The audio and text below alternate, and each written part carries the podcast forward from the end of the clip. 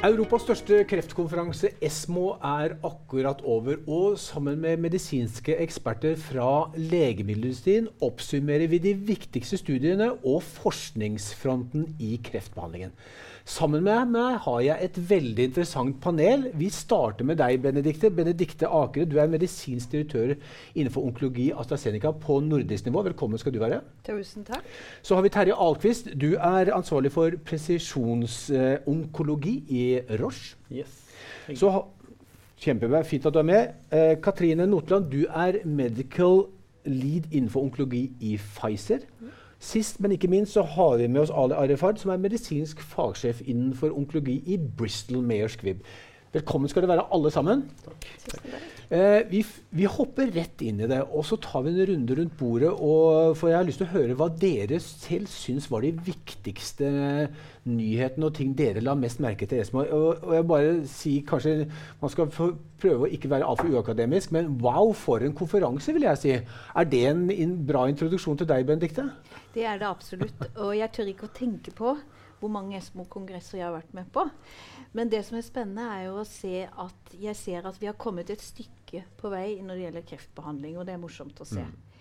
Uh, en av de tingene som jeg syns med Esmo, det var noen fantastiske resultater innenfor uh, noen uh, studier innenfor noen pasientpopulasjoner hvor det er en unmet medical need. Mm. Eh, som f.eks. brystkreft, hvor også legene virkelig anerkjenner disse resultatene og ser det som en viktig eh, redskap for å forbedre og forlenge livet til pasientene. Men også andre tumorer, sånn som lungekanser, gastrogyn. Fantastisk mye spennende å se. Mm. Eh, når det gjelder også diagnostikk, diagnostikk, så har det jo skjedd noe. Uh, og også skreddersy, og det er jo viktig i forhold til skred, skreddersydd behandling. Så det, det, gleder jeg meg til å snakke mer om. Mm, det, det, var, det, var, en god start. Eh, Katrine, hva, du, hva, hva, la du merke til mest på Esmo? Uh, jeg er enig. Det, var mye interessant som kom. og så ikke minst situasjonen vi står oppe i nå, med en pandemi. Vi er jo fortsatt der. Eh, der vet jeg at det var data på dette med altså, hvordan behandle kreftpasienter i mm. dette, og mm. hvordan har de effekt av vaksinene, og hvordan skal de for, skal på en måte nå forholde seg til det. Fikk de like god effekt? Er de like beskytta eh, mm. mot covid som mm. resten av befolkningen? Eh, skal de ha flere doser av vaksiner? Så det er en viktig sånn, klinisk i forhold til at de, de, eh, altså alle kreftpasienter kan stå like trygt i den situasjonen vi er i som viktig. Ali, hva la du spesielt merke til? Mye av det som også Benedicte oppsummerte med. Eh, både interessante oppfølgingsdata mm. på en god del studier, som på en måte demonstrerer den tydelige superioriteten til enkelte innovative legemidler mm. eh, med fem års overlevelsesresultater. Eh, og en del nye. Mm. Eh, tidlig fase og, og, og nye data. Mm. Og, så det som jeg syns var særdeles interessant, var jo bl.a. Eh, nye data på melanom, som, som var bekreftende Eller ikke bekreftende på den måten, men, men det var viktig i forhold til bivirkningsprofil mm. Mm. til pasienter som får immunterapi. Mm. og det var en forskerinstitusstudie som Jeffrey Weber presenterte. Den studien demonstrerte hvilken type pasienter man kan tenke seg med en prediktiv markør mm. kan få en alvorlig bivirkning uh, i løpet av behandlingsforløpet med immunterapi. Mm. Uh, og der er det jo et sånn typisk studie som, som kan kanskje på sikt uh, ha en veldig viktig betydning i klinisk rutine mm. for denne pasientgruppen. Mm. Og kanskje andre pasientgrupper som også får mm. immunterapi. Mm. Og slipp til deg også, Terje. Hva var det du spesielt la merke til på, på ESMO? Det meste er jo sagt. kongresser er jo veldig avhengig av nesten når studiene leser ut. Mm. Så det kan være at ESMO blir den mest spennende konferansen med tanke på nye data ett år, og neste år så er det ASKO som mm. tok dataene. I år var det for meg mye viktig oppfølgingsdata. Så noen ting ble sluppet på ASKO, så fikk hun mm. en kanskje mer lokal, relevant oppdatering denne gangen. Uh, og jeg vil si jeg er spesielt glad i brystkreft, men uh, da, det kommer jo behandlingsendrende uh, data ja. som ble lagt fram fra ja. et annet firma her som Ja. er veldig godt for norske pasienter. Et herværende firma. La, la oss ta litt på det, for det var jo, som dere var inne på, eh, immunterapi spilte en hovedrolle. Men det var også målretta terapi, og, og det sistnevnte var nettopp det. En målretta terapi innenfor brystkreft. Der kom eh, det fase 2-data på en HER2, eh, som er et eh, Antistoff, eh, legemiddelkonjugat. Det er et vanskelig ord, men et interessant eh, nytt behandlingsprinsipp. Eh, Benedicte, vil du si litt om det? Ja, det kan jeg gjerne. Det er jo eh, vi, det som er spennende, at hvis du går tilbake til de første her to og, og av de som var på kongress og så han Dennis Lehman, så har det jo vært en formidabel utvikling. Og det som eh, NH2 eh, med, nå gir, er jo en enda mer presis og mer liksom kraftigere, mer aggressiv behandling mot, for disse pasientene. Og disse pasientene det representerer pasienter som ofte er unge og aggressiv sykdom. Så det er jo et stort behov. Og, med den, og den studien tror jeg er viktig for de, disse pasientene i Norge. Vi har jo 3400 pasienter i Norge som får brystkreft. Eh, og det er klart at eh, det er mange pasienter som trenger forlengende og behandling. Da. Og Det, det som jeg la spesielt merke til, det var jo at dette var jo en head-to-head-studie.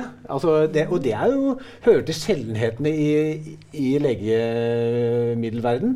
Eh, men da en head-to-head-studie ikke mot et gammelt preparat, men et tilsvarende eh, konjugat. Eh, fra, fra dere, Terje, fra Roche. Eh. Capsylla heter det. Ja, Ja. Det er jo samme prinsippet. Det, det kom i 2014. Ja. Eh, viser jo egentlig bare hvordan man bygger på hverandres erfaringer og, og kompetanse. Og det, jeg, jeg vil påstå at det er ikke mer spesifikt det som har kommet nå. Begge leverer cytostatika til HER2, men de har åpenbart funnet en mer potent potent. eh, cytostatika som er kobla til i det konjugatet du snakker om. I, ikke sant. Eh, og den gang i 2014 var jo dette banebrytende, og igjen unmet need. Og så ser man jo fortsatt, som det alltid er i metastatisk setting, at man får jo tilbakefall. Man trenger uh, bedre behandling. Og her er et strålende eksempel på at man bygger på erfaring, og at nå er i denne fasen er trolig vår eh, tid over akkurat for dette medikamentet, og så, og så bølger det sånn. Ja.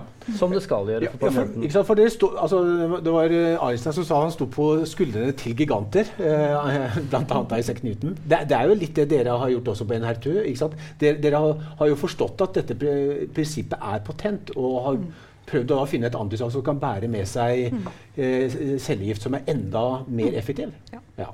Absolutt. Øh, og hva tenker dere andre om, om det? Altså det er jo i hvert fall et godt eksempel på at vitenskapen går fremover, eh, og ganske fort. Det er, litt, altså det er jo det som er bra her med at man eh, fordi vi har sett Det kommer stadig nye altså generasjoner av legemidler.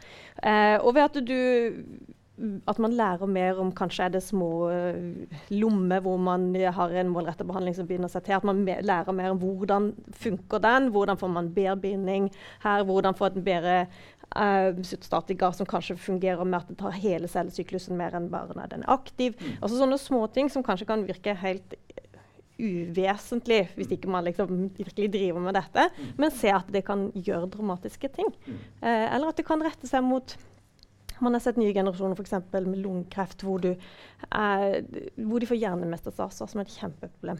Eh, ikke sant? Å få noe som virkelig går over blod-hjernebarrieren og kan være effektiv akkurat for disse. Så det er stadig utvikling av nye generasjoner av Det kan være samme type klasser så, som gjør at det får mye bedre effekt. Og det er kjempeartig.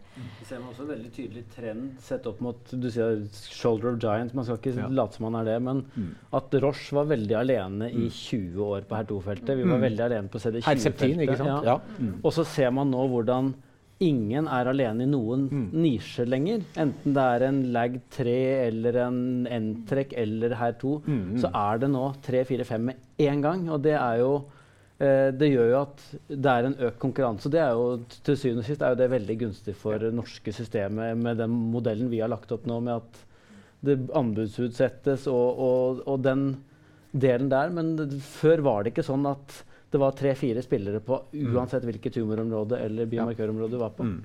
For å følge opp det, Terje. Det som eh, jeg syns er fascinerende, da, det er at når vi ser på alle disse innovative behandlingene, så ser Mm. vi at man ikke er alene lenger. Mm, mm.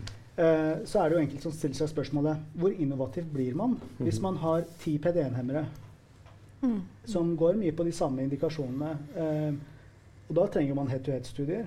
Og så er, det da, er man villig til å gjøre det. er det Mm. noe, ikke sant? Men for å, for å være innovativ så handler det om at du går inn der et stort medisinsk behov, selv om man er mange om samme molekyl eller samme target. Mm. Og det er jo det som er uh, veldig interessant. Sånn som man ser nå f.eks.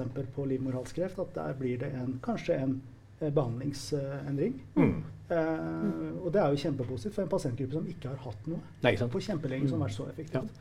Ja, ikke sant? Ta, ta, ta den livmorhalskreft. altså Kristina Lindemann eh, her på OUS i Oslo har eh, kommentert den studien hos oss. og Det er jo en førstelinjestudie som for første gang introduserer da immunterapi for en, en gruppe pasienter som er ganske unge, eh, ofte veldig unge, eh, som har et stort medisinsk udekket behov. Så, så vi ser jo da, Det er et eksempel på at immunterapi trenger nå inn i nye diagnosefelter og lenger opp eh, tidligere inn i behandlingslinjene. Du kan si at livmorhalskreft har vært en vanskelig eh, diagnose å få gode resultater med immunterapi. Eh, hittil så har det bare vært vaksiner som er gitt profylaktisk, og der har man faktisk ikke data enda. Man må vente til kanskje 2030-2035 før man får gode data Mm. rent sånn epidemiologisk.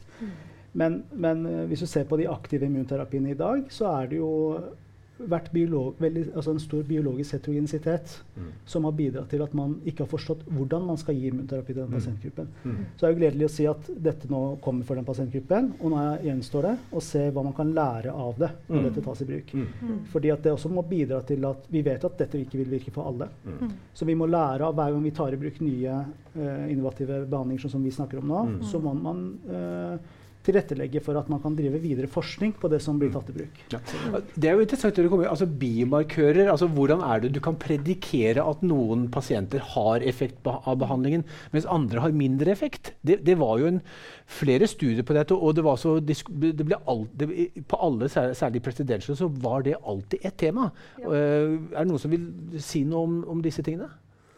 Nei, men det var én ting jeg hadde lyst til å si før vi liksom graver oss ned i det. og Det Ja. som, er, det som jeg syns var spennende på flere av foredragene, det var jo det at vi glemmer, selv om vi har noen biomarkører, så glemmer vi at pasientene, altså tumores, er jo ofte veldig heterogent. Og det er jo viktig da at selv om du har én type terapi, så, så er det jo er det jo mulighet for at du kanskje kan utvide pasientpopulasjonen fordi den terapien kan være målrettet, men ha tilleggsaktiviteter. Og det syns jeg kom flere ganger. Og så syns jeg en ting til er spennende. Tilbake til det med, med presisjonsmedisin. Du ser jo nå at vi uh, har uh, pasienter som får samme legemiddel over forskjellige tumortyper. Og så er vi inne på da, og du som jobber presisjonsmedisin, hvor er det vi går? Går vi vekk fra tumortyper og mer til, eh, til, til target? Eller? Og det, så Ja. det er jo en del av, Ja. av Ja, Diskusjonen, da. liksom. Vi, vi, da snakker vi om tumoragnostiske legemidler. Ja. Men så ser du også sånn som en Hertu vi har snakka om nå, som har spennende data i, i ikke småcella lungekreft. Ja. Men det avhenger litt av også hvor, hvilken utviklingsstrategi man velger fra firmaet. Når man kjører én lungekreftstudie for å få lungekreftgodkjenning, én brystkreftstudie for brystkreft. Mm. Skal man gå for tumoragnosis, må man lage én samlestudie Ja. Med HER2 som target, og så bare si ok, her var det en responsrate Ja. på 48 Ja. Kjempeflott. Så Ja. det er litt sånn Om vi ender opp med ett legemiddel med mange indikasjoner eller en tumoragnostisk, Ja. er egentlig et valg vi som firmaer også gjør. Mm. Det er interessant. Ja, det er Eh, veldig Ja, ha det. Og det kan virke for enkelte Men når man har enkelte bymarkeder som er mer statiske. Men hvis du ser på dynamiske biomarkører, så er det en vanskeligere vinkling for å få agnostiske Yes. behandlinger. Mm. Og hvis vi ser på immunforsvaret i organ på organnivå, så er den veldig forskjellig. Mm. Så når vi snakker om biomarkører for f.eks. ventrikkelkancer, eh, og du ser på infiltrasjon av immunceller og PDL1-uttrykk på de, eh, og på tumorcellene, så har du en helt annen setting der enn du har kanskje på lungekreft. Mm. Sånn at immunforsvarets rolle i organet, også før diagnosen kommer, har faktisk noe å si Mm. på hvordan, det, hvordan man kan eh, definere verdien av den biomarkøren for den indikasjonen. Mm. Og det siste er jo at eh, du har jo bivirkninger, biomarkør for bivirkninger, og det var en studie jeg var inne på Ja. i sted.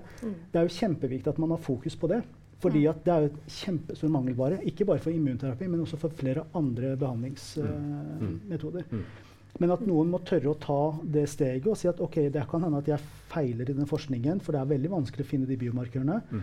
Men å begynne med der det er godt etablerte behandlinger, Mm. trekke ut data, gjøre real world, fri, bli frigjort til å drive forskning som kliniker, Mm. det er det som kan bidra til at disse behandlingene nå får kanskje en medieverdi om fem år, da, når man har enda mer. Nettopp. Det var også en liten trend synes jeg, med bymarkører, om det er statisk eller ikke. Men vi er også på vei, ikke bort fra, men som en supplement til det å sjekke primærtumor. Mm.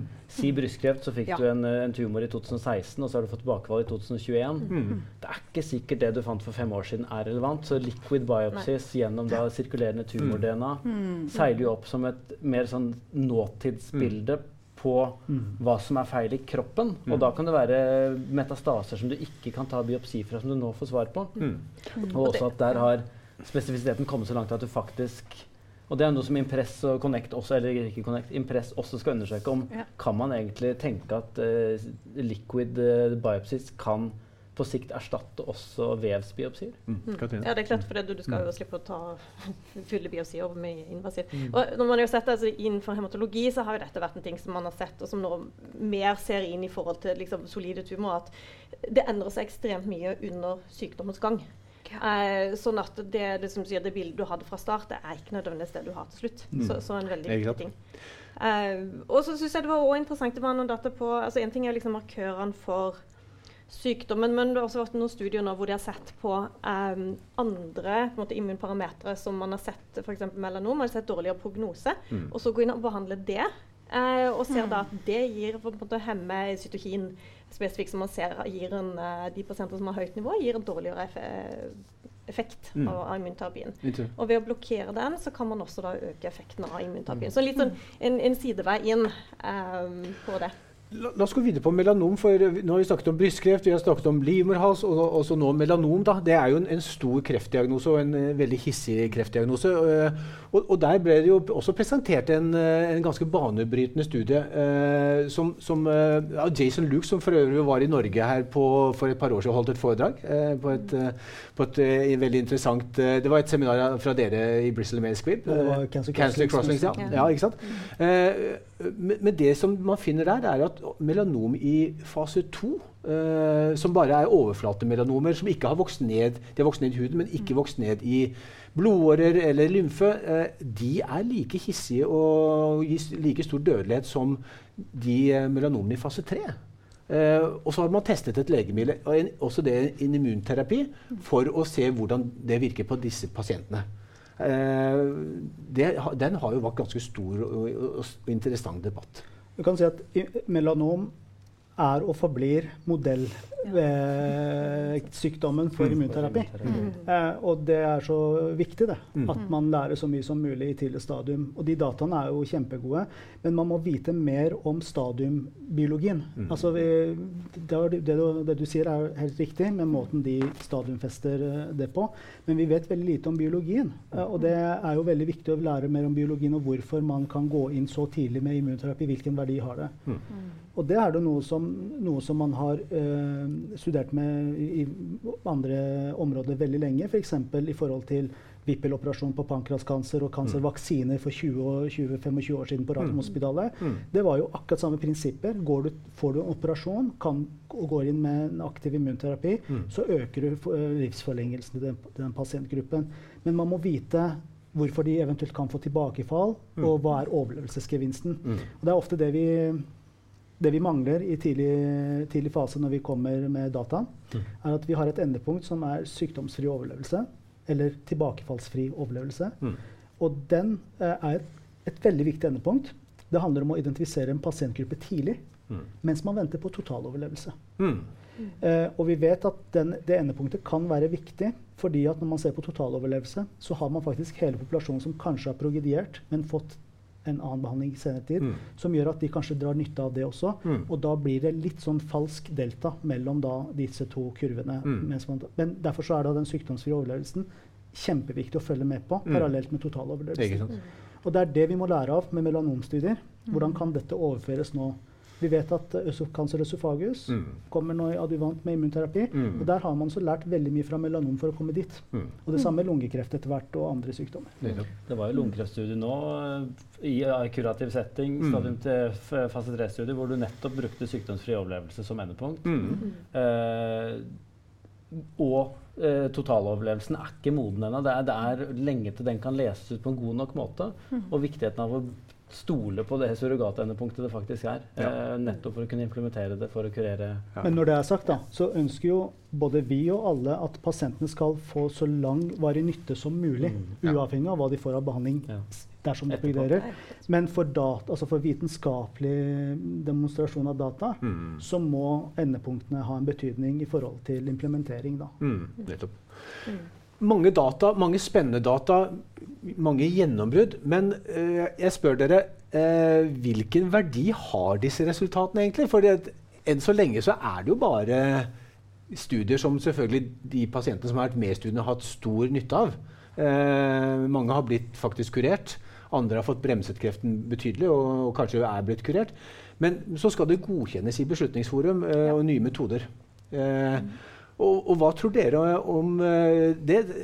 Jeg, snakket med Daniel Heinrich i går. eh, og da, Vi snakket ikke bare om hans spesialfelt eh, innenfor uh, uroonkologi, men vi snakket bl.a. Om, om bryst og Ja. en hertu, mm. hvor han sier eh, noe som er egentlig veldig interessant. Han sier at eh, Eh, NHER2 er inne for godkjenning, eller sånn HTA, altså legemiddeløkonomisk analyse, nå for, eh, for et annet studie eh, i, for, på brystkreft, men med en fase tre. Den, den er fase to. Altså det er DB01-studien. som de er, de, Og de, vi har jo fått markedsføringstillatelse ut ifra den. ikke sant. Og den er nå under behandling. Det er helt Ikke korrekt. sant? Og den, sam, den komparatoren der er eh, god gammeldags kjemoterapi.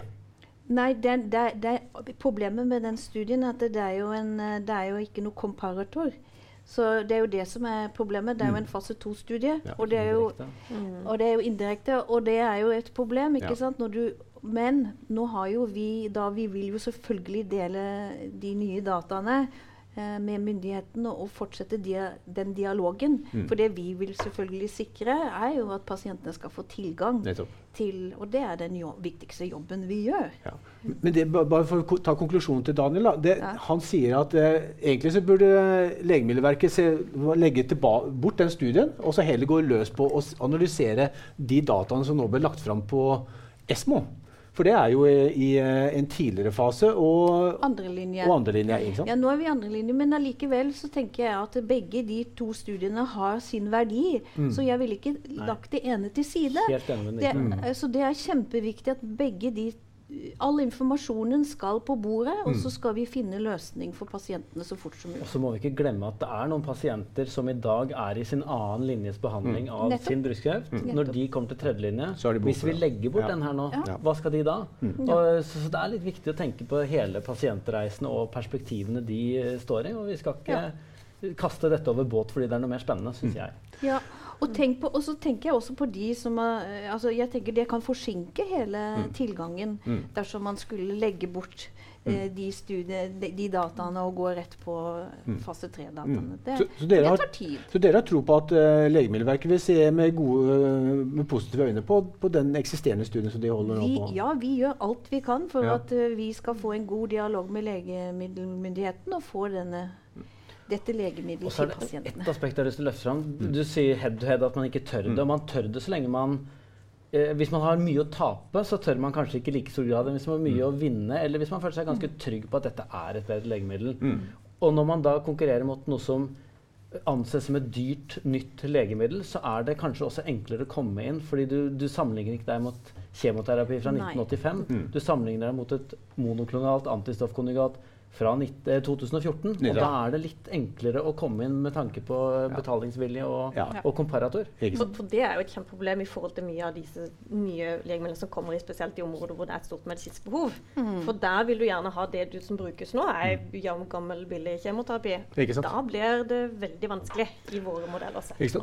er- er- Kanskje litt tabloid, litt uh, fra en journalist. Altså, er, eh, for hele poenget som, du er, som dere nå er inne på, at når, når du kommer med en, et gjennombrudd med en ny type medisin, som selvfølgelig koster en del penger, og du skal sammenligne prismessig med da eh, noe som er gammeldags, som, som, kjemoterapi som kanskje har vært der i 20 år, som er nesten gratis, koster bare noen hundrelapper i måneden, så er sjansene for å få et ja fra Legemiddelverket eller fra Beslutningsforum, det er jo mer utfordrende enn når du har Katsylla som komparatoren, som, uh, som du var inne på. Jeg tror nok uh, myndighetene selvsagt vil si at alt avhenger av prisen for et kvalitetsjustert leveår. Ja. Og hvis prisen er lav med gammel kjemoterapi og ja. høy nå, så mm. blir da kan vi senke prisen. Det er jo selvsagt argumenter man kan bruke imot. Mm. Så, mm. Men i hvert fall, det, det, det, å få en quality som er innenfor betalingsviljen, mm. er enklere å få til mm. når det er et dyrt legemiddel å sammenlignes med. Mm. ja, absolutt. Ja, det er klart du skal ha en veldig veldig, veldig god effekt for at det skal ja. være jevnt. Ja, ikke sant? Du skal ha stor overlevelse eller progresjon for overlevelse.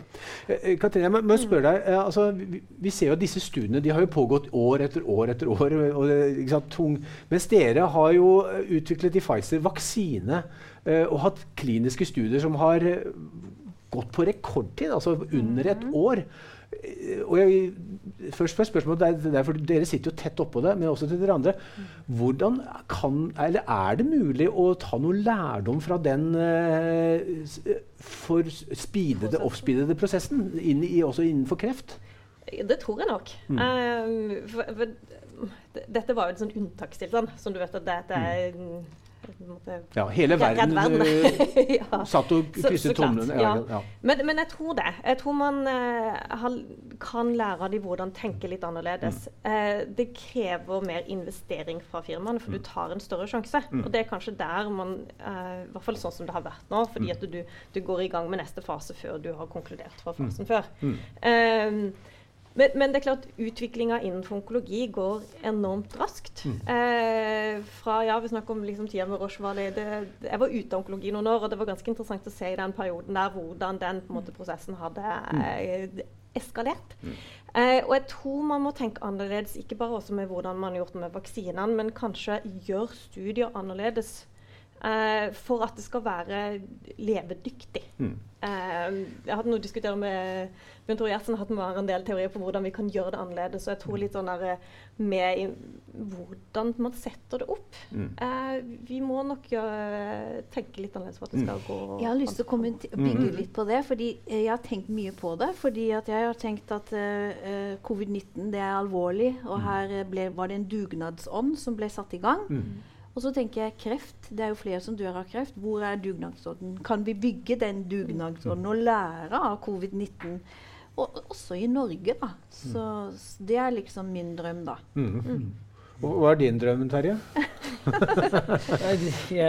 min drøm er jo selvfølgelig litt det samme, men det, jeg tror det er, ikke, det er ikke samfunnskritisk at uh, altfor mange dør av kreft. Og da blir insentivene annerledes. Mm. Uh, når det gjelder vaksiner Vi har ikke hatt Legemiddelverket til å vente et halvt år på å vurdere helseøkonomien, og så bestiller og beslutter forum. Mm. Så det er noen prosesser mm. som er utelatt i dette her, som også har speedet opp, kanskje mm. spesielt lokalt. Mm. Men det er jo Her har alle vært villige til å mm. ikke risikere noe sikkerhet, sånn som jeg tenker det, men at Nei. man er villig til å kutte ned alle mulige ja. unødvendige, ja. om du kan kalle det ledd. Ja. Ja, alle dører har vært åpne ja, og, når ja. dataene har vært til stede. Ja. Mm. Og jeg tror nok hvis Norge hadde sett seg i speilet, og vi kommer nok til å gjøre det i 2023 og 2024, mm. var alt vi gjorde med tanke på lockdowns Hvis du hadde gjort det helseøkonomisk Det har jo vært noen som har skrevet om det. Mm. Prisen mm. for det her per uh, vunnet uh, liv, den er jo skyhøy. Mm. Og, og vi, vi, vil nok innse at vi visste at den blei for høy, mm. men vi visste at vi hadde ikke noe valg. Så det var riktig å gjøre fordi det var så stor usikkerhet. Men skulle du sett på covid-19 med helseøkonomiske briller, så hadde jo ikke mm. tiltakene stått i stil med liv vi redder. Mm. Nei. Ali, hva, hva, tenker du om uh, dette? Nei, Det er jo egentlig helt lik som det blir sagt ja. her. Uh, så, men det, jeg bare håper på at man på en måte har en, en uh, god plan i neste runde dersom man blir utsatt for det her igjen. Mm. At man unngår at diagnostikken går ned, at mm. pasientene tør å komme og få, få diagnosen at eh, kliniske studier fortsetter å gå som normalt, at man ikke får en stopp der. For dette er jo pasienter som har tapt på, mm. uh, i bunn og grunn. Mm. Så, så jeg, dette er bare lærdom. Mm. For neste runde. Ja. Kan, kan jeg trekke fram en Ja. du, du spurte om eh, det her opp mot uh, lokale myndigheter og godkjenninger. Ja. Og så var det sånn, samtidig trukket inn kan vi gjøre studier på andre måter. Mm. Eh, og så da, da var det to jeg vil påstå ganske kjedelige publikasjoner som er ganske viktige for lokal implementering. Og det er N-trekk er jo en veldig sjelden mm. man, Ca. 0,3% av krefttilfeller har en N-trekk fusjonsgensfeil. Mm. Eh, og der er studien gjort enarma, fase 1-2. Eh, man har ikke en komparator, sånn som dere satt med her, en Hertu i linje 3. Eh, og nå kom en oppdatering. Nå er det 121 pasienter og ikke 74. Så det er positivt. Litt større sikkerhet, litt lengre oppfølging. Mm. Men de to litt sånn kjedelige publikasjonene handler om Man vet jo ikke engang prognostisk verdi av en entrecammer. Og fordi vi ikke har en kontrollarm, så jo, de, de har jo høy responsrate, men kanskje de har det. Kanskje dette er en sånn indolent sykdom som går bra uansett. Så man vet ikke det. Så her var de litt to kjedelige posterne, som, og de kom jo kun da som poster, at man har sett på enten det er registerdata eller Nederland har sett på register, og så ser man mest sannsynlig så er det eh, negativ til nøytral prognosisfaktor. Det er ikke en positiv prognostisk faktor. Og det er, ikke, det er jo ikke det mest spennende sånn sett, men når du vet at myndighetene sitter og sier at vi kan ikke nesten beregne eh, kostnadseffektivitet på det, fordi vi vet ikke om det er en positiv eller negativ prognostisk faktor, Mm. så kan plutselig de to påstandene være med å vippe det til si, vet hva? Vi kan i hvert fall utelukke at det er prognostisk, Ja. som gjør at Oi, da ligger, eh, da ligger kvalitetsjustert leveår i litt annen range enn hvis det kunne vært en prognostisk. Mm. Hvordan to litt kjedelige postere på Esmo også Ja. nå vil spilles inn til myndighetene for å kunne gjøre det tilgjengelig Ja, for norske Øke pasienter. muligheten for at legemiddel blir godkjent, ja. Det der er så viktig. Mm. Fordi at vi snakker om Vi har tatt opp på tidligere under ASKO-møtene osv. at data som presenteres, publiseres, det må ha en verdi Mm. for uh, neste ledd i kjeden. Mm. Vi snakker om uh, faktisk pasienter som sitter og venter på dette her, og så sitter vi og publiserer data eh, i etterkant av at legemidlene har kommet. Mm. Eh, så den innovative verdien fortsetter jo, for at man får faktisk Mm. Man kommer gjennom et nåløye når man får abstractet sitt gjennom for å få det publisert på disse kongressene. altså. Mm. Så Ja. det er et nåløye, det òg. Mm. Man skal gjennom. Man konkurrerer jo mot hundre, altså tusenvis av, av abstracter. Så det må bety noe. Og da er det veldig viktig at man får en god dialog rundt de dataene, som også Benedicte var inne på. Mm. For, for det er jo, ellers så mister man hele innovasjonsverdien til alt som blir publisert på disse kongressene. Og jf. det vi snakket om også tidligere, Katrine, i forhold til dette med langtidsoppfølging da, data. Mm. Eh, tidligere har det blitt ansett at langtidsoppfølging ikke har noe innovativ verdi. Går vi to-tre år tilbake på ASKO, så ser vi at Flott 4-studien som ble presentert, hvilken verdi den hadde for perioperativ kjemoterapi Mm. for pasienter som ikke behøvde noe strålebehandling. Det var jo ti års oppfølging, hvis jeg husker eh, riktig. Det var langtidsoppfølging. Mm. Men det var jo kjempeinnovativt. Selv om det var eh, produkter som har blitt tatt i bruk i mange år. Men det var den oppfølgingen som var innovativ, som viste at disse dataene har en verdi for en pasientgruppe som kan slippe strålebehandling. Mm. Og det er nettopp det vi snakker om nå. At du kan ikke sammenligne en innovativ behandling som har hatt en oppfølgingstid på ett, kanskje to år, mot en tilsvarende innovativ, beha eh, innovativ behandling som har hatt oppfølging med fem år. Mm. Og der må vi ha en diskusjon og dialog med myndighetene. fordi at eh, disse dataene er like verdifulle som en hvilken som helst ny data, nye funn som blir presentert på disse. Mm. For det er faktisk tilgjengelig behandling. Du, du sa eh, at det er et nåløye for studier å komme inn. eh, og vi har jo også, og det er det jo på både ASKO og Esmo. eh, og vi, vi må snakke om noen norske studier. For det er, vi, det er, det er flott at eh, forskningen også skjer her. Eh, og der, må jo, der har vi jo en rundt bordet som faktisk har vært en medforfatter til en studie. Katrine, det er en spennende registerstudie eh, eh, hvor Ka Katrine Puco og Puccio var førsteforfatter, eh, men det var også andre eh, tunge forskere sammen med deg med. Eh, der, der så dere på nyrecellekreft, altså hvordan den var ble behandlet i, i en lang periode eh, fra 1995 til 2018. Kan, ja. de, kan ikke du fortelle litt hva dere fant? Litt om det? Jo.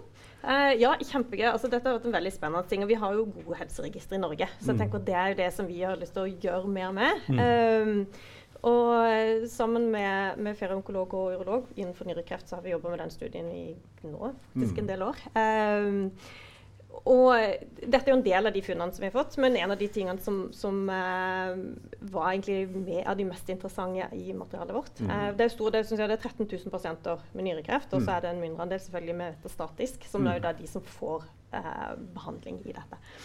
Sånn at pasienter ble, Vi har datamateriale opp til 2018. Mm. Så det vil si De siste måte, delen av de, disse pasientene har jo fått immunterapi i andre eller tredje linje. Mm. Um, og det vi så på sant, Hvordan går det med disse pasientene over tid? Eh, det har vært publisert tidligere i 2017 en annen studie som så på pasientene fulgt i opp til 2011. Og nå så vi også da videre hvordan det hadde gått med det. Så man ser jo en gradvis forbedring i OS, eh, altså overlevelse over tid. Så det er en betryggelse å se at det mm. går stadig mm. litt bedre. Mm. Eh, men det som var litt interessant, var at man så da for de pasientene som hadde fått eh, immunterapi i senere linjer, um, så gikk det da betydelig bedre med de mm. versus de andre mm. som ikke hadde fått. Og da har vi kjørt en del sensitivitetsanalyser og sett på mm. hvordan liksom, er det andre ting som spiller inn. for det registerdata med sine måte, begrensninger i det. Og, og, det som er interessant her, er jo at eh, som, som, også onkologene som, er jo de som har behandla disse pasientene, mm. var overraska over sjøl, var at når de sjøl har behandla den enkelte pasient, så har de ikke følt egentlig at det kanskje hadde så mye effekt. Men når man har samla disse og så på gruppenivå, så ja. så man at dette var faktisk betydelig bedre enn det de hadde forventa. Mm. Så, så, og, og, det som blir interessant, for det nyrekreft har jo vært en, en kreftdiagnose som har vært hatt samme type behandling i ganske mange år. Ja.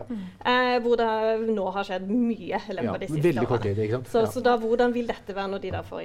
Nettopp, ikke sant? For, for, for dere, de første, studie, altså de første uh, pasientene som ble behandlet, de, de, hadde jo ikke tilgang til uh, immunterapi uh, i en tidlig linje. ikke sant? Så, nei. Eller, nei. Dette, og det er jo kun en liten andel av de som har fått immunterapi. Det er ja. kun liksom, de siste årene etter det ble innført. Så, så um, Nei, så det blir liksom hvordan da eh, man ser effekten, og det er hvordan det er for norske pasienter i, i forhold til det. Ja. Eh, og hvordan man skal ta det videre. Og hvordan vil det være når de får noe kombinasjonsbehandling, TKI-immunterapi eller eh, immunterapi-kombinasjon i første linje. I, i første linje, ikke sant. Ja. Mm. Det som er veldig interessant, er at disse dataene er jo det som på en måte går tilbake til forrige diskusjon vi hadde, mm. i forhold til dette med likeverdighet. Mm. mm. For på det tidspunktet immunterapi ble tilgjengelig i andre linje for nyrecellekarsinom, så kom det også en TKI som var tilgjengelig ja. på samme tidspunkt. Ja, Tyrikinasehemmere. Tyrikinasehemmer. Mm. mm. Eller, eller, ja, som da var ja, en, en, uh, ja, på, på angiogenese. Mm.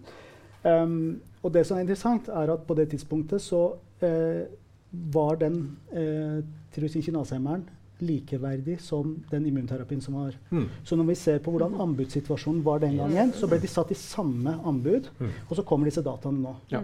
Og det er jo nettopp det vi prøver å fortelle, at man ikke skal sammenligne. Ja. For alle, nå blir epler pærer, og pærer blir epler hele mm. veien. Ja. Så, så, så, bli, så, er disse dataene som er generert her, utrolig viktige. Mm. Og et lite stikk, vil jeg si til de som sitter og, og både gir råd og, mm. og, og setter i likeverd. Ja, for, for, ja, for, for, legge, spør, for her bekrefter jo disse real world-dataene det som man fant i de kliniske studiene når man testet immunterapi. At, ja, faktisk litt. Vi har jo sett diskutert det litt. Ja. Og faktisk, for Vanligvis er jo det man forventer at i, i en real world setting så, så vil du ofte få litt lavere effekt enn i de eh, måte, fjortale registreringsstudiene. Ja. Og det er noe med at Du har en mye streng oppfølging, du har en selektert gruppe osv. Men her har du nesten tvert altså Jeg skal ikke si at det er noe signifikant forskjell bedre, men, men er, de er ikke dårligere, i hvert fall. Den effekten man ser. Mm. Og det er interessant. Mm, det er ikke sant. Eh, og så er det ikke sant, det som blir interessant nå, sant, hvilke følger får det dette, det er hvordan man tenker. Um, For her skal de, disse dataene skal dere forske videre på? Vi holder på, så ja. se på de videre. og Forhåpentligvis kommer det publikasjoner etter hvert. Det viser også viktigheten av mm. å systematisere erfaringa i registeret. Mm. Og ja, vi har gode registre, men vi har ikke gode nok. Nei. Det, det, må inn ja. mye større Hva heter det? Granularity på godt norsk? Hva heter det? Ja. Mer finmasket. Ja. Mm. Det, det holder ikke. Vi kan ikke sitte med et insidens- og et overlevelsesregister som engang ikke kan ta hvor mange får tilbakefall innen en sykdom. Vi trenger bedre register ja. for å virkelig ja. kunne høste ut sånne her tall. Blir det, blir det et kvalitetsregister på nyrekreft etter dette her? Det, det blir gjenstår å se. Jeg tør ikke love. Men, det, Men det, er jo, det, er jo, ganske opplagt når man går inn og ser hva finner du, hvilke proxy må du gjøre, fordi man har ikke alt. Altså, vi mm. begynte jo den studien før på en måte, Inspire var i gang, og man ser nå at vi vil jo etter hvert få medikamentell behandling og slipper å anta mm ting ut fra reseptregisterdata, ja. f.eks. Ja. Um, så det er klart det er en del ting vi har sett som jeg gjerne skulle hatt Mm. eh, når vi holder på med det. Eh, så, så jeg håper jo det for alle. Når, det er noe med at når du, du ser dataene og får litt sånn hands on, så ser Ja. du også hva, hva har vi og hva mangler vi. Et spørsmål som jeg har lyst til å stille dere. fordi jeg, jeg, altså jeg synes jo, vi, vi selger jo våre registerdata eh, som vi selger oljen, omtrent. Ja. Eh, men så er det jo sånn som du sier, det er en del mangler. Og så ser du sånn som Finland har jo dette med data lakes. Så, så vi har en del hva, Og da er det to spørsmål her. Hva kan vi gjøre for å forbedre våre regi registerdataene? Også hvordan kan vi være mer innovative med å bruke registerdata til å sikre at norske pasienter får tilgang til medisiner? Det er på en måte Mm. jeg, Vil jeg gjerne høre rundt bordet her. Ja, Det er jo et interessant spørsmål. Er det noe som vil kaste seg på? Altså, først og fremst så trengs det gjøres noe dramatisk i forhold til å få tilgang til dem, Mm. og, og hastigheten på det. Ja. Eh, for, for det selger man nå med helseanalyseplattformen my, mye gode intensjoner med øynene, så, så er vi ikke helt der ennå. Og det er klart, det må, det, der må det gjøres noe, for det tar altfor lang tid. En datalake, ja. ikke sant? Ja. Som ja. Så, så det er noe med at den må gjøres. Og så tenker jeg at det må jo en aksept for at det er litt sånn som sier med dette her med, med studier. Eh, og det vil vi få mer og mer av som ikke du har en kontroll om. Ikke sant? Små populasjoner, hva gjør du da? Mm. Aksept for at man da kan kjøre syntetiske armer eller hente ut registerdata og bruke det som kontrollgruppe. Eh, det trenger å bli helt essensielt for at vi skal kunne ha en reell nytte i, i, eh, for de gruppene vi nå har et problem med HTA-ene. For meg ligger det mye på informatikk og IT. Ja. Eh, det må automatiseres. Ja. Vi ser, det var en diskusjon på Arendalsuka om Mm. jeg tror det var brystkreftregister, hvor du ser at f.eks. Oslo har ansatt noen til punchetall. Ja. Eh, der har de god dekningsgrad i registeret, andre har ikke det. Og da var det en diskusjon om at rett og slett merkantile roller betyr noe på registerkvaliteten. Ja. Vi må bort fra det, Ja. og så må det automatiseres. Så vi har også gjennom type disse her uh, Entrek-hemmere hatt diskusjoner. Er det mulig å lage et parallelle register, eller hvordan gjør vi det? Men eh, hel, alt, alt stopper jo egentlig på at er det en administrativ byrde, så dropper vi det. Ja. Og Med andre ord, det må automatiseres automatiseres Ja. inn fra om det er gjennom DIPS eller Mm. sykesystemene. Så noe må, vi må ha IT-infrastruktur på plass for å automatisere det inn. Mm. Det er Og det må være mye som automatiseres inn, ikke bare eh, faktor A, B og C-type. Bare spørre deg, Katrin, altså når dere startet studien, eller, og holdt på med studien, opplevde dere at registerdatene var, var eh, De måtte tilpasses, de var, ikke de var gode nok?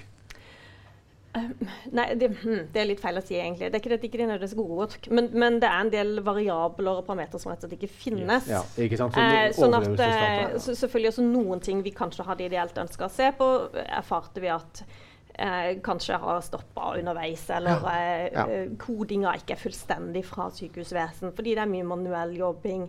Um, det har vært endring i, ikke sant, med H-reseptinnføring. Plutselig hadde man legg på når hvor de i byttinga, hvordan refusjonssystemet, så har man ikke den informasjonen. Um, så, så det er klart jeg er helt enig i det. Det, det er noe med at Mm. hvis man kunne trekke dette automatisk, gikk fra journalsystemet Ja. ikke sant, inn, så hadde Ja. Terje? Hadde ikke du først? Ja. Jo, det spiller ingen Ja, rolle. Jeg, jeg bare tenkte på, for, for det, det eksempelet her, da, det er jo at det må også være noen ildsjeler som faktisk Ja. jobber for det. I uh, urocelialkancer så ser vi jo at eh, det fins ikke noe kvalitetsregister. Mm. Uh, det fins bare et kreftregister, men den differensierer ikke på anatomisk uh, eh, hvor tumoren anatomisk er hen. Mm. Og det har faktisk veldig mye å si for de, de prognostiske Ja. dataene man er ute etter.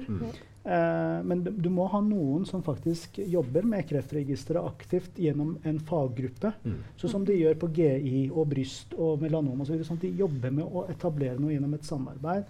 Men du må ha folk som setter av tid til det. Ja, det er vel det er ti, så du kan automatisere det også, men du må ha noen som faktisk kvalitetssikrer det òg. Og da må du ha ressurser til det.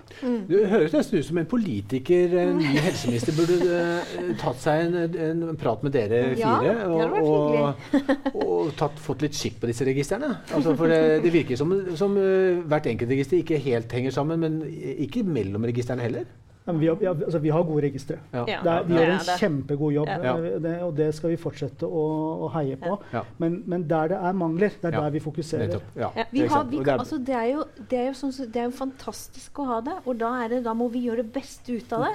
Og så tenker jeg også at Også når det gjelder tilgang til nye medisiner. Vi har kreftpasienter Mm. som dør hver eneste dag. Hva er det vi kan gjøre i forhold til registeret for å sikre tilgang mens vi venter på modne data i Ja. riktige tilfeller Ja. også? Og her Ja, kommer jo Connect inn også. Vi sitter jo med. Connect er fire arbeidsgrupper, og den arbeidsgruppe fire jobber jo nettopp med hva slags uh, faktorer må inn i registeret. Hva, hva, hva må til for å svare til dagens behov, og hvordan skal vi jobbe det inn? Datainnsamling, rett og slett. Datainnsamling. Nettopp. Vi skal ikke jobbe så mye med det å lage real world data, men hva slags data trengs. Så det er mulig at eh, for ti år siden var behovet helt annerledes nå, når vi snakker om virtuelle kontrollarmer. Nå må vi vite ECOG. Vi må liksom, det vi stratifiserer våre studier på i dag, det må inn i registrene, sånn at vi kan matche pasienter i registeret opp mot enarma studier. Mm. Yes. Og da begynner det å bli verdifullt. Så det er nesten bare å se på eh, hva er patient eh, characteristics i en studie. Det er i hvert fall viktig at det er godt registrert. For det er klart det er noe med altså, gjerne en del kliniske parametere som man gjerne skulle hatt. Vi så det egentlig helt fra starten når vi skulle i gang med den studien Ja. her, hvor du nå stratifiserer etter liksom, prognostisk Har Du en uh, low intermediate or high risk nyrecellekarsinom. Eh, så får du nå i dag forskjellig behandling. Mm. Det gjorde du ikke 10-15 år tilbake i tid. det var alle litt sånn inne i samme. Ja. Eh, så det er klart eh, det, er, det er en del ting som man for å henge med eh, bør ha inn. Men, men man har, vi hadde ikke kunnet gjort denne studien her hvis ikke vi hadde gode eh, registerdata i. Norge. Vi- vi- det- det er Eh, bra. så, så det er viktig. Det er bra. Jeg tror det er viktig at vi, er, vi skal tørre å være stolte av det vi har, men så skal vi tørre å erkjenne at det er mangler. Det kan bli bedre. Og så skal vi sammen fikse det. Vi skal ikke sitte her, Det er ingen, ingen som klager på noe, men vi skal bare Ja. vi, må, vi må sammen tørre å se hva er Ja. manglene. Tiden går godt i, i Går hurtig i godt selskap, er det noe som heter. Um, skulle gjerne nevnt flere norske studier. Jeg skal bare fort, uh, for syns skyld, uh, nevne en strålebehandlingsstudie hvor, eh, av Olav Yri på, som eh, postdoktor eh, på OUS. Jeg vet ikke om dere la merke til den? Eh, det nikkes her. Og så en, en studie av Katrina Lindemann uh, om en, uh, gjen, altså en uh, hvor man brukte parpemmer for andre gang, som også ga noen overraskende og viktige resultater å ta med seg. Alle, alt kan sitte, de som lytter på og ser på, de kan lese om disse studiene på Heltokt. Vi har skrevet om disse. Vel. Rett fra kilden. Men én ting jeg vil si, vi skal være litt stolt for Kristine Lindemann. Hun, den studien var jo en internasjonal Ja, det studie var det. som blir presentert av en, invest eh, av en norsk investigator. Det Ja. liker vi. vet du. Ja, det er ikke sant. Nettopp. Og det, det finnes et veldig godt forskningsmiljø, og det, det blir stadig bedre. Det, er, det kan vi være stolte av. Det er Der det. syns jeg faktisk alle fagfelt må se litt til Gynn. Ja. Med NGOT og hvordan de samarbeider Yes. godt, og at Norge Ja. alltid har vært godt posisjonert der. Ja. At det er en sånn eksempel til etterlevelse. Absolutt. Det er jeg enig i. Et godt, et godt både behandlingsmiljø og et forskermiljø. Flott. Eh, da er vi kommet til veis ende, dere. Eh, Benedikte Akre fra AstraZeneca, Terje Ahlquist fra Roche, eh, Katrine Notland fra Pfizer og Ali Arifar fra Bristol-May-Squid. Tusen takk for at dere ville være med. Det var veldig spennende å snakke med dere. Takk i Like måte. Ja. Vi eh, ser hverandre ved et annet toppmøte på gjensyn. Ha det bra.